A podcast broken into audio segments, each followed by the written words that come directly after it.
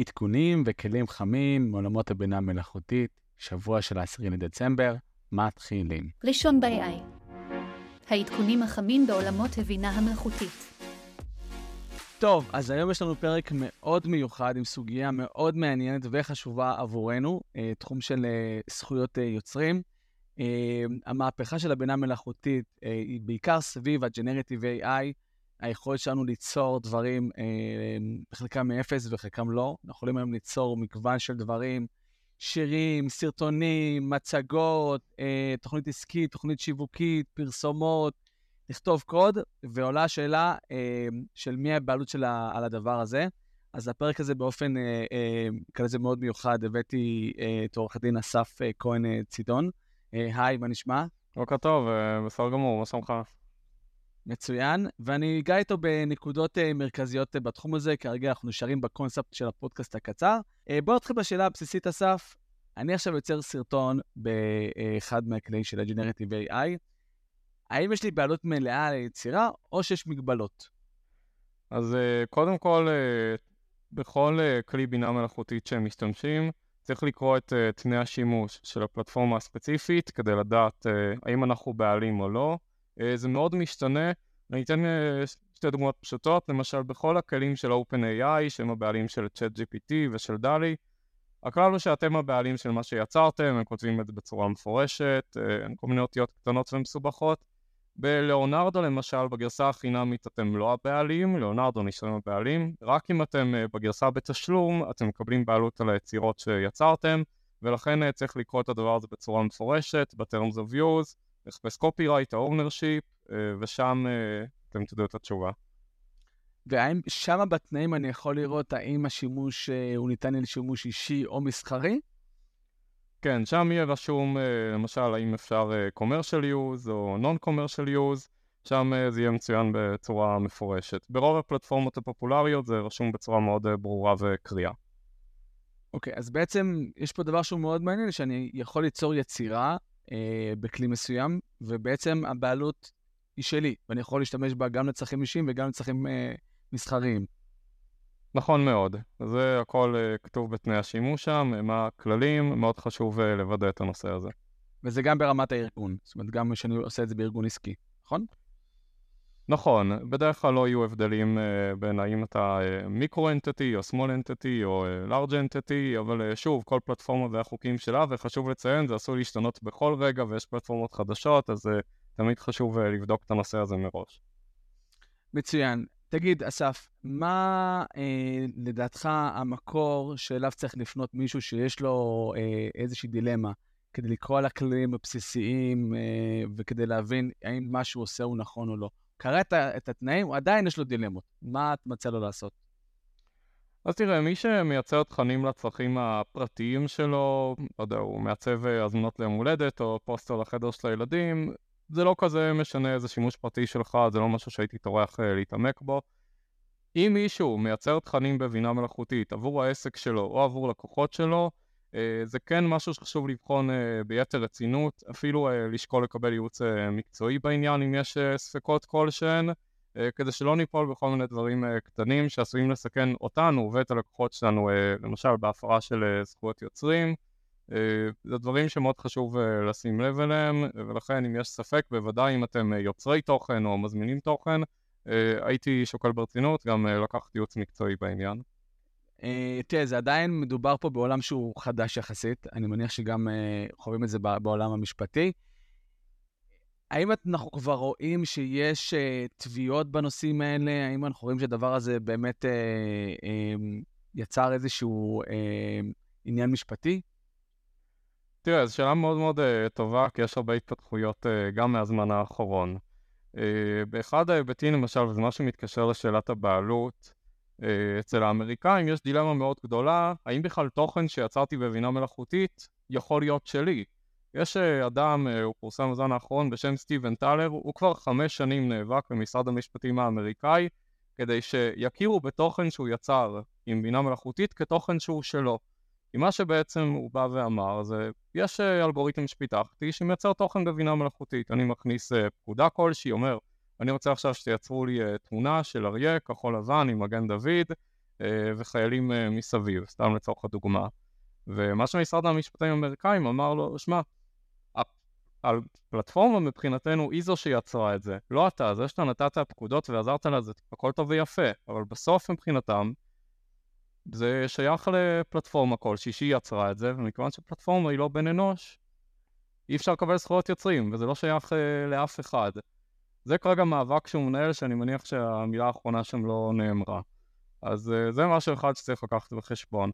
דבר נוסף זה שכל מיני אומנים היום מתארגנים בתביעות נגד חברות כמו OpenAI של ChatGPT וגם נגד מידג'רני למשל, כי הם בעצם טוענים שהפלטפורמות האלה מעתיקות את התכנים שלהם, זה משהו שחשוב מאוד uh, להבין, כשבעצם אתם מייצרים עכשיו תמונה דרך מידג'רני, דרך דולי, דרך ליאונרדו, איך שזה נעשה בעצם מאחורי הקלעים זה שהפלטפורמות האלה אומנו על יצירות קיימות, הם סרקו את כל הרשת, סרקו uh, את הכל, כדי ללמוד איך לייצר את התמונות האלה לפי בקשה שלנו, והרבה פעמים, כן, זה משהו שקורה. יש תמונה שהיא דומה ואפילו זהה לתמונה קיימת. עכשיו, התביעות האלה נכון לעכשיו לא התקבלו על ידי האומנים, אבל גם פה אני מניח שהמילה האחרונה לא נאמרה. כרגע אין חקיקה מסודרת בנושא הזה, אין איזה רגולציה כלשהי, יש כל מיני הצעות חוק בהרבה מדינות, אבל uh, עד אז אנחנו באיזה עולם של חוסר ודאות שעדיין לא ברור עד הסוף מה קורה עם יצירות של בינה מלאכותית. ועכשיו אני לוקח את זה למקום אחר. נגיד יצרתי אה, איזושהי יצירה באמצעות אחד הכלים ולפי המדיניות היא שלי, ומישהו אחרי, אחרי זה עושה בה שימוש באופן שאני לא שמח בו, שימוש מסחרי, האם יש לי עילה אה, לבוא ולדרוש את, אה, את, ה, את הזכויות שלי על היצירה? קודם כל צריך לבדוק באמת שלפי הפלטפורמה אתה הבעלים. עכשיו נניח שהפלטפורמה אומרת כן, הבעלות היא שלך. ואותו אדם רואה שהשתמשו בתמונה שהוא יצר אצל מישהו אחר והוא ישתמש בזה בלי, בלי הרשות שלו. אם מישהו בא אליי לייעוץ לגבי אם הוא יכול להגיש תביעה או לא, אני אאלץ לומר לו ש... אני לא יודע מה התשובה.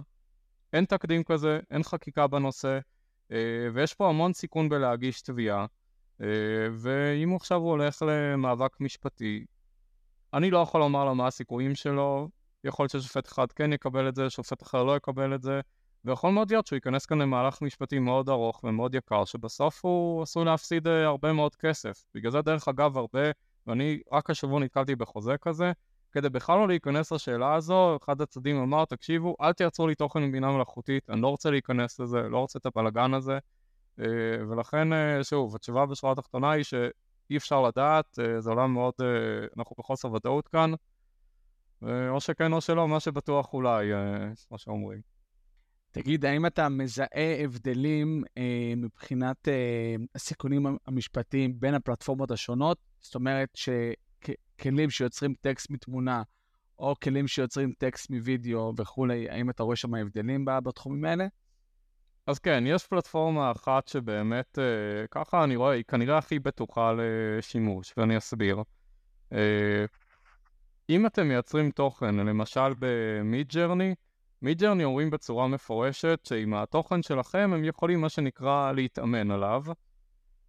הם, אה, שזה אומר שהם יכולים לייצר משהו דומה למישהו אחר, אולי אפילו משהו זהה, אה, ואתם לוקחים את הסיכון הזה שמשהו שיצרתם עבורכם, עבור לקוח שלכם, פתאום תראו את זה במקום אחר, כי כאן נשארתם מג'רני אה, לעשות את זה.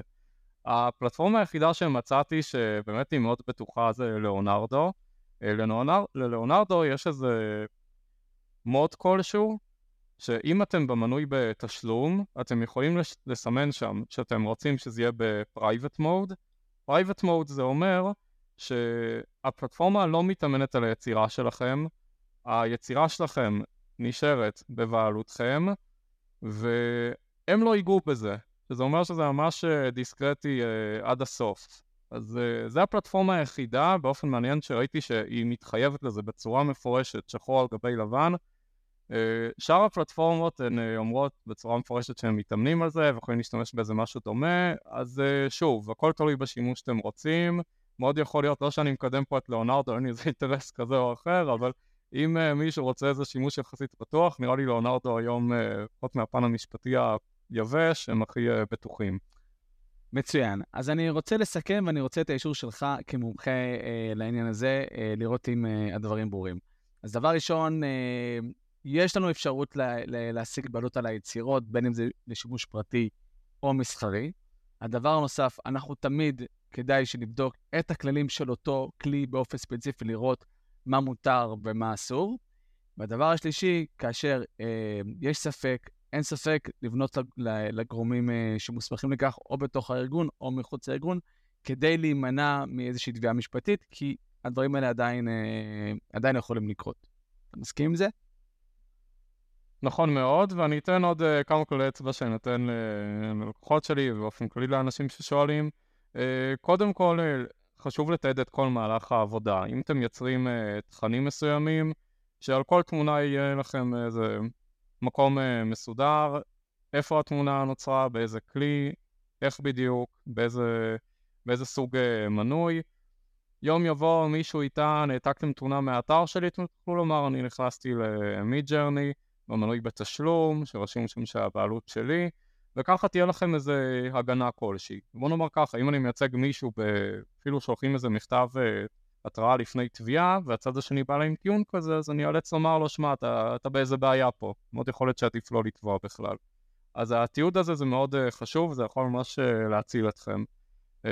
דבר שני, תבדקו כל תוכן. אם למשל דרך צ'אט GPT אני מבקש שיכתוב לי מאמר על איך איך uh, להאכיל דגי זהב שקונים uh, מחנות. היום אפשר להריץ חיפוש של הטקסט הזה בגוגל, יש גם כל מיני כלים מסוימים שמאפשרים את זה, אני חושב אפילו בחינם, ואז זה אומר לכם אם יש איזה תוכן שאולי הוא דומה לתוכן קיים אחר, או זהה לתוכן אחר, וכמובן אם אתם רואים שזה מאוד דומה למאמר קיים, אז עדיף לא להשתמש בזה. גם על תמונה, היום אפשר ללחוץ על חיפוש תמונה של, שלכם בגוגל, לראות גם אם זה דומה או זהה לתמונות אחרות, ואם אתם רואים את זה עדיף להימנע. וכמובן לגבי uh, אם אתם רואים שתוכן שיצרתם זה דומה, יש איזה דמות שדומה למיקי מאוס, uh, דומה למייקל ג'קסון, יש איזה סמל של uh, אדידס או קוקה קולה, או כל סמל או סלבס ידועים, גם כן עדיף להימנע, לא לסמוך על איזו טענה של אה, הפלטפורמה עשתה לי זה אז אני בסדר. פשוט להיות זהירים, זה שלושה כללים שאני חושב שמאוד מאוד חשוב.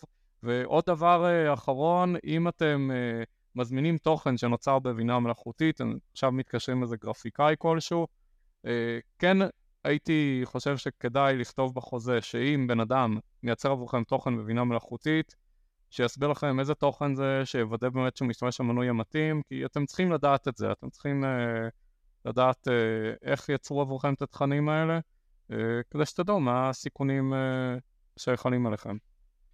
מצוין, ועל זה אני אומר, אלה כללי זהב, אה, כדאי להקשיב אה, וליישם, והכל גם מופיע במדריך ונצרף את הלינק. אה, אני רוצה להגיד לך המון תודה, עורך דין אסף אה, כהן אה, צידון, תודה רבה אה, על הזמן ועל ה, על הכללים הנהדרים שהבאת לנו.